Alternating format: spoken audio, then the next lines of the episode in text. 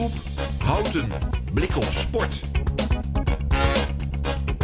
Mag ik uw gebit even zien? Ja, ja. Hij ging mee op de Galibier, reed alleen over de Marolène en heeft een fantastische solo afgeleverd. Gele trui over de finish. Juichen en wel. Mathieu van der Poel. We zijn weer terug met een nieuwe Blik op Sport, de speciale toereditie. We gaan nabeschouwen met Jorren vanuit de kroeg. Uh, we bespreken met Niels de voeding. Ja, hoe kan je nou tijdens warm weer het best je voeding en dranken op orde houden? We hebben weer een nieuwe column en een nieuwe quiz. Ja, de reacties stromen binnen inmiddels. Maar we gaan ook nog even voorbeschouwen uh, met Jorren uh, over de etappe van vandaag. Veel luisterplezier. We zijn weer terug naar uh, na een rustdag. En uh, de etappe van, uh, van gisteren ging naar Izoar. 167 kilometer. En het, ja, het leek niet zo'n hele zware etappe. We zitten in een kroeg trouwens om het na te bespreken. het leek niet zo'n hele zware etappe, maar het was eigenlijk constant was het... We zijn iets aan het opnemen, ja. Het leek niet zo'n hele zware etappe, maar het, leek, het was eigenlijk constant heuvelachtig. En vanaf het begin was het chaos. Ja, ik denk dat de menig vluchter deze etappe in zijn uh, boekje had aangekruist. Rit, rit 10, echt een kans voor de vluchters. En het ging eigenlijk gelijk uh, bergop en ook gelijk los, want iedereen probeerde in de vlucht te zitten. Dus de eerste uur, anderhalf uur, brandde de koers los. Zelfs zo erg dat Pokertje op een gegeven moment een aanval deed waar Vingegaard in zijn wiel zat. En allebei de ploegen half verslagen lagen. Zelfs Wout van Aert werd op een gegeven moment gelost bergop. Nou, dan weet je dat het heel hard gaat. Was een peloton op een gegeven moment met nog geen 50 mensen.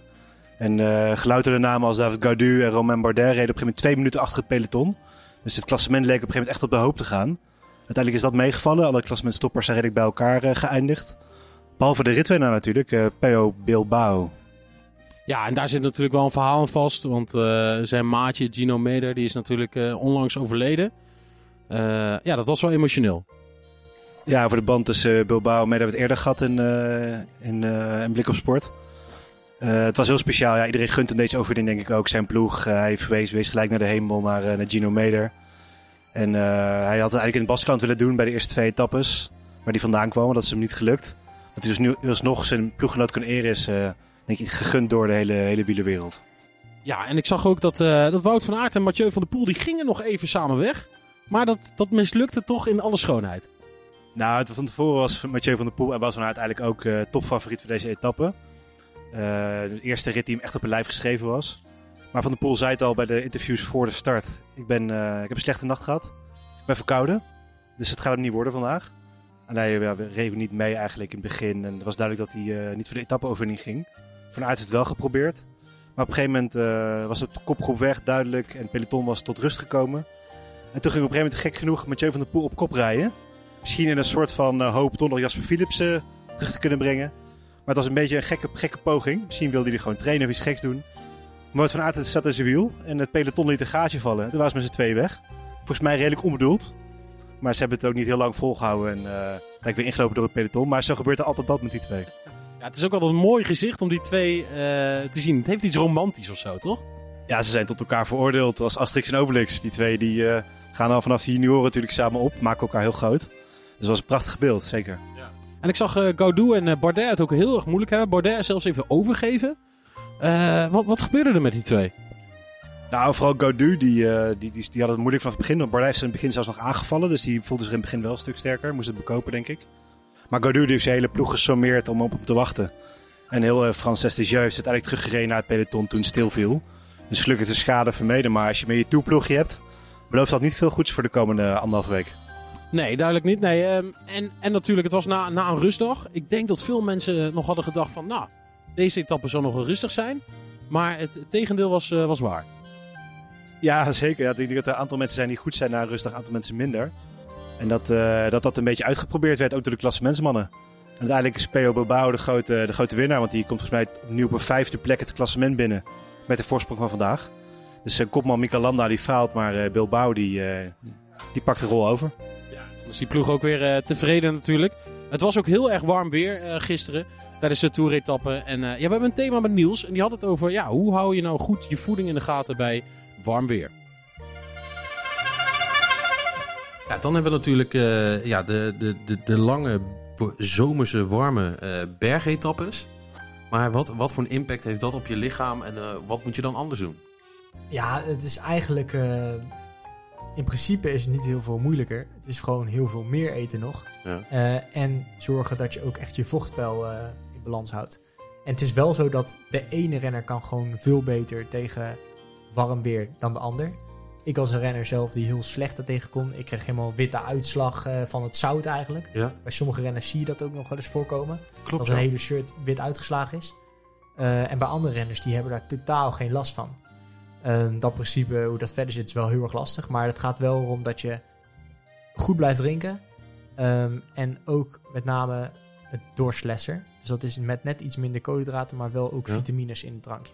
Ja, en wat, wat zijn dat dan zelfgemaakte drankjes? Of zijn dat eh, van Nee, dat bepaalde zijn- merken? Of, zijn eh, meestal wel van eh, bepaalde merken die dat hebben. Ja. Je hebt isotonendrank, je hebt doorslesser en je hebt sportdrank. En sportdrank is dan met meeste koolhydraten per 500 milliliter bijvoorbeeld. En isotonendrank is met dan ja, minder sterk ge- gestructureerd, zeg maar. Ehm, en je wil juist kijken of dat je die vitamines kan aanvullen. Maar dat je wel die koolhydraten eigenlijk inname ook gewoon zo hoog mogelijk houdt.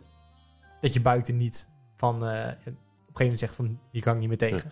Want, want eh, er wordt natuurlijk heel veel gebruik gemaakt van data tegenwoordig. Ja. Ehm, ehm, maar ook je, je lichaam merk je. k- het- Houdt iemand het ook echt bij qua ook tijdens de rit? Van hey, wat moet je eten, wanneer? Is dat, is dat al, gaat het al zo ver?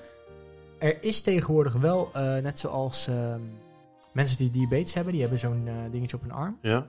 Dat he- hebben ze nu ook ontwikkeld dat je kan zien hoeveel glycogeen en zo voorraad er doorheen gaat. Oké. Mag niet gebruikt worden in wedstrijden, dus dat is verboden. Ehm, dus zover kunnen ze dat niet zien. Um, al weten ze natuurlijk wel van die renners hoe dat lichaam werkt. Vanuit de ploeg is dat vaak getest. En, eh, dus eh, ze weten het in principe wel, maar je kan het niet helemaal eh, precies uitlezen. Al weet je ook wel van jezelf als renner of dat je er beter tegen kan of niet. En dan heb je natuurlijk ook nog het feit dat het aantal koolhydraten dat je kan opnemen in een uur is 90 koolhydraten, zeggen ze uit de literatuur. Maar er zijn ook renners, om het even regionaal te maken, Jan Willem van Schip, Oké. die Ja. zegt bijvoorbeeld dat hij 120 gram koolhydraten per uur kan innemen. En dat claimt hij eigenlijk door, te- door te zeggen van, als je er goed op traint, dus stel je gaat heel vaak fietsen, 4 uur, 5 uur, en je traint echt je buik erop dat je zoveel koolhydraten kan, eh, kan innemen en, en ook opnemen als het ware. Ja, dan eh, zou je dat ook kunnen opnemen, 120 gram. Maar dat is dus wat, wat Jan Willem claimt. Ik weet niet zeker of dat, dat ook echt zo is. Hij, eh, hij tarst de wetenschap. Ja, precies. Eh, en dat vind ik alleen maar mooi. En ehm, wat ik altijd leuk gezicht vind, is ehm, dat eh, natuurlijk bij hele warme etappes, bergetappes, dan mensen, of de wielrenners, die doen dan hun, de knechten hun bidons helemaal vol Ja, over hun hele lichaam. Heb je dat Ja. ook wel eens gedaan of niet? ja, dat heb ik ook wel eens gedaan. Ja? Ja. En ik kan je vertellen, ehm, in de Tour hebben ze nog wel eens zo'n extra jack. Ja. Dat hadden wij op een iets lager niveau niet. Dus ik deed gewoon letterlijk mijn eh, shirt zo eh, open en alle bidons aan de achterkant erin. Nou, ik kon op een gegeven moment kon ik geen bidons meer terugvinden. Dat, dat ze zo ver in mijn shirt waren gezakt dat ik echt moest graaien. Oh, dat lijkt me verschrikkelijk. Ja, maar eh, ja, dat heb ik wel eens moeten doen. Maar dat is Ja. natuurlijk ook, daar, ja, dat is ook wel een, echt een taak voor de knechten om even terug naar de auto te rijden. Ja.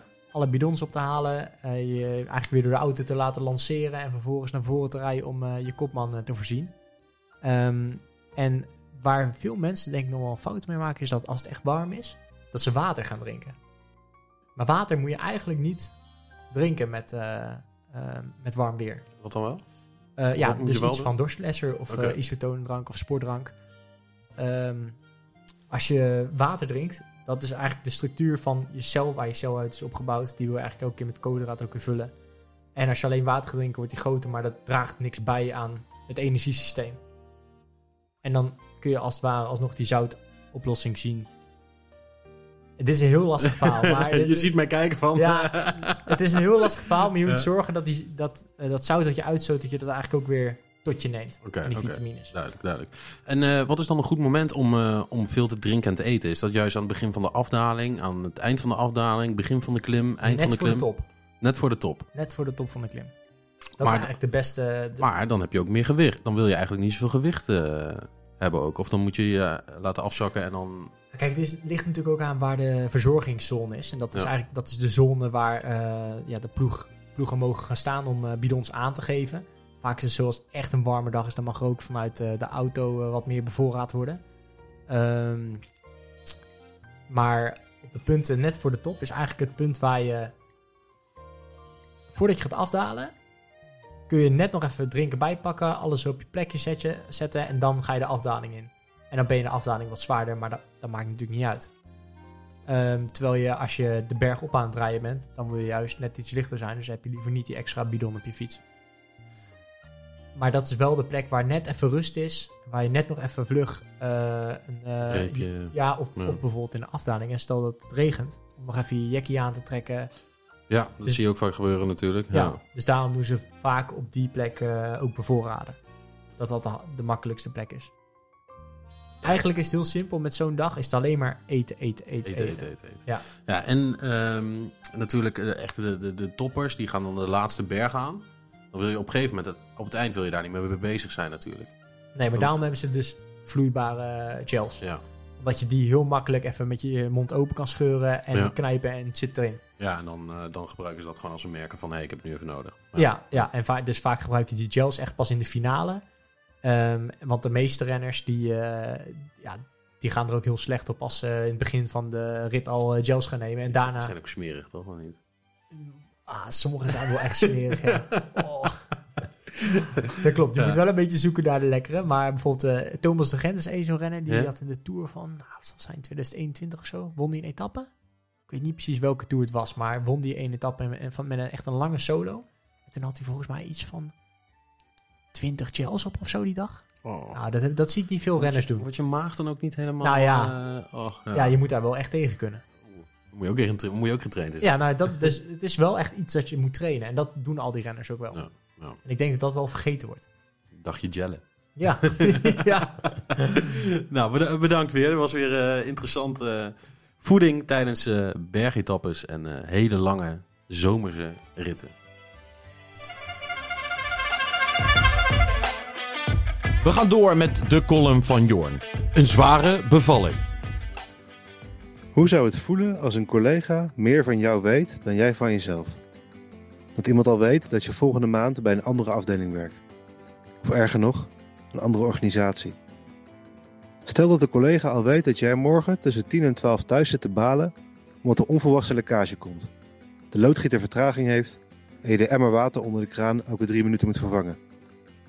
Moet je je voorstellen dat je dat jouw collega hoort zeggen. Op nationale televisie terwijl je zelf nog van niks weet. Dat je zeker weet dat je de kraan hebt dichtgedraaid. Dat een loodgieter pas over een paar weken langs zou komen om naar die lek in de kraan te kijken. Dat je bij jezelf denkt, waar hij dat nou weer vandaan? Lukt het? Kan je je een beetje inbeelden hoe vervreemdend dit zou zijn? Goed, dit is precies hoe Wout van Aert zich vanmiddag voelde.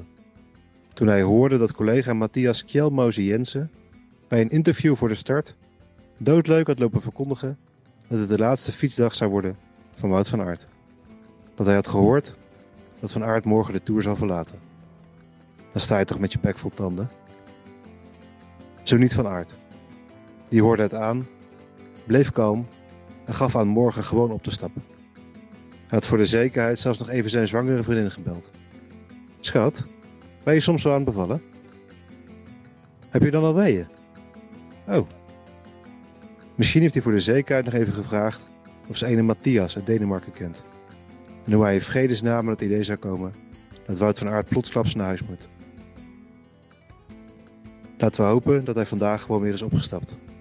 Dat zijn hoogzwangere vriendin niet voor de uitgerekende datum gaat bevallen. Dat hij de geboorte van zijn tweede kindje gewoon kan meemaken. Het ideale scenario voor Wout? Zondags winnen op de Champs-Élysées.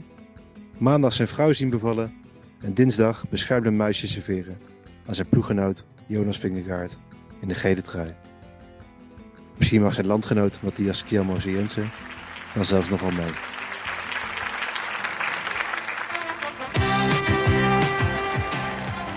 Het antwoord van de quiz van gisteren was natuurlijk Johnny Hogerland. Ja, en we hebben weer een winnaar, want ja, de, de e-mails die stromen binnen met antwoorden. En deze keer gaat het Blik op Sport shirt naar Thijs Konings. Gefeliciteerd! En dan is het weer tijd voor een nieuwe quiz. Hij werd prof in 1989. Hij deed acht keer mee aan de Tour de France. Won daarin 12 etappes. Maar reed de Tour geen één keer uit. Zijn bekendste ploegen waren Mercatone Uno en Psycho. Welke mooi boy zoeken wij? Wie oh wie? Stuur een bericht naar de Instagram van Blik op Sport, Blik op Sport, of stuur een e-mail naar ruben.omroephouten.nl. En Joran zit nog steeds eh, naast mij in de kroeg. Eh, want daar zenden we vandaag eh, van uit. Ehm, we hebben een sprintetappe die er waarschijnlijk aan gaat komen. Van Clermont-Ferrand naar Moulins. 179 kilometer. En eh, ja, de verwachting is dus dat de, de sprinters weer een kans krijgen. Ik zag gisteren dat Philipsen een, een tussensprint echt heel makkelijk in zijn eentje kon wegrijden. Dus de groene trui is eigenlijk al voor Philipsen. Mag, mogen we dat concluderen? Ja, volgens mij was het maar voor één puntje. Maar klopt, Philip staat heel goed voor. Dikke voorsprong op nummer 2. Dus je lijkt wel kat en bakkie. Maar eh, ja, morgen wordt het een sprintetappe. Dat kan eigenlijk niet anders. Tenzij de TGV van Clermont-Ferrand Remy Cavagna eh, route in het eten gooit. En er een solo uitperst. Maar in principe wordt het gewoon een sprinten. En de laatste kans voorlopig ook, volgens mij, voor de sprinters. Want de komende weken is het allemaal de heuvels en de bergen in. Dus elke sprintersploeg zou eh, gebrand zijn op de overwinning. Ja, want ja, Philips heeft natuurlijk gewonnen. Pedersen heeft gewonnen. Is er nog eindelijk dat we een kans kunnen krijgen met Jacobsen. Die natuurlijk terugkomt van, een, ja, van flink wat schaafwonden. Of een Groene Wegen die toch, eh, die toch kansen gaat krijgen. Dan zou ik mijn geld op Groenewegen zetten. Jacobs had heel zwaar gisteren. Reed weer ver uit achter het peloton met zijn ploeg. En uh, Caleb Ewan zij aan zij. Die heeft ook, ook gevallen een paar dagen geleden. Dus Groenewegen zat er goed bij laatst. Dus ik denk Groenewegen zou, eh, zou hem kunnen pakken. Voor de rest, ja, Philips is denk ik weer Toro favoriet. En wellicht nog een, eh, een verrassing uit de tweede lijn. Een, eh, een Bauhaus of een uh, Guimard die misschien op zijn heupen krijgt. Maar eh, nou, het be- belooft wel weer sprinter te worden. Ja, we gaan, we gaan dus weer sprinten. Ik zie wel eh, aardig wat heuvels in het, in het begin. Is er niet ergens een kansje dat het toch een eh, ontsnapping kom, eh, wordt die, eh, die flink wat minuten krijgt van het peloton? Nou, waaiers trekken dan, hè? maar eh, voor, voor zover ik weet is er geen wind voorspeld. Dus dat gaat, eh, gaat hem niet worden. Nee, ik, ik ben bang dat het gewoon eh, heel lang naar het commentaar luisteren is van gisteren van Michael Bogart. Wat fijn dat hij er zit. Hè? Eindelijk Stef Clement weg. ja, volgens mij. Het is wel een verbetering. en Volgens mij wordt dat online ook zo gezien. Ja, zeker. Nee, dan gaan we gewoon lekker naar een sprint eh, kijken vandaag. Eh, ja, en eh, we hebben ook eindelijk een update vanuit de Tour de Schalkwijk. Want eh, ik ga langs bij de Tour de Schalkwijk eh, op eh, woensdagavond. En eh, ja, we gaan naar een etappe kijken van de Tour de Schalkwijk. En daar krijg je morgen alles over te horen.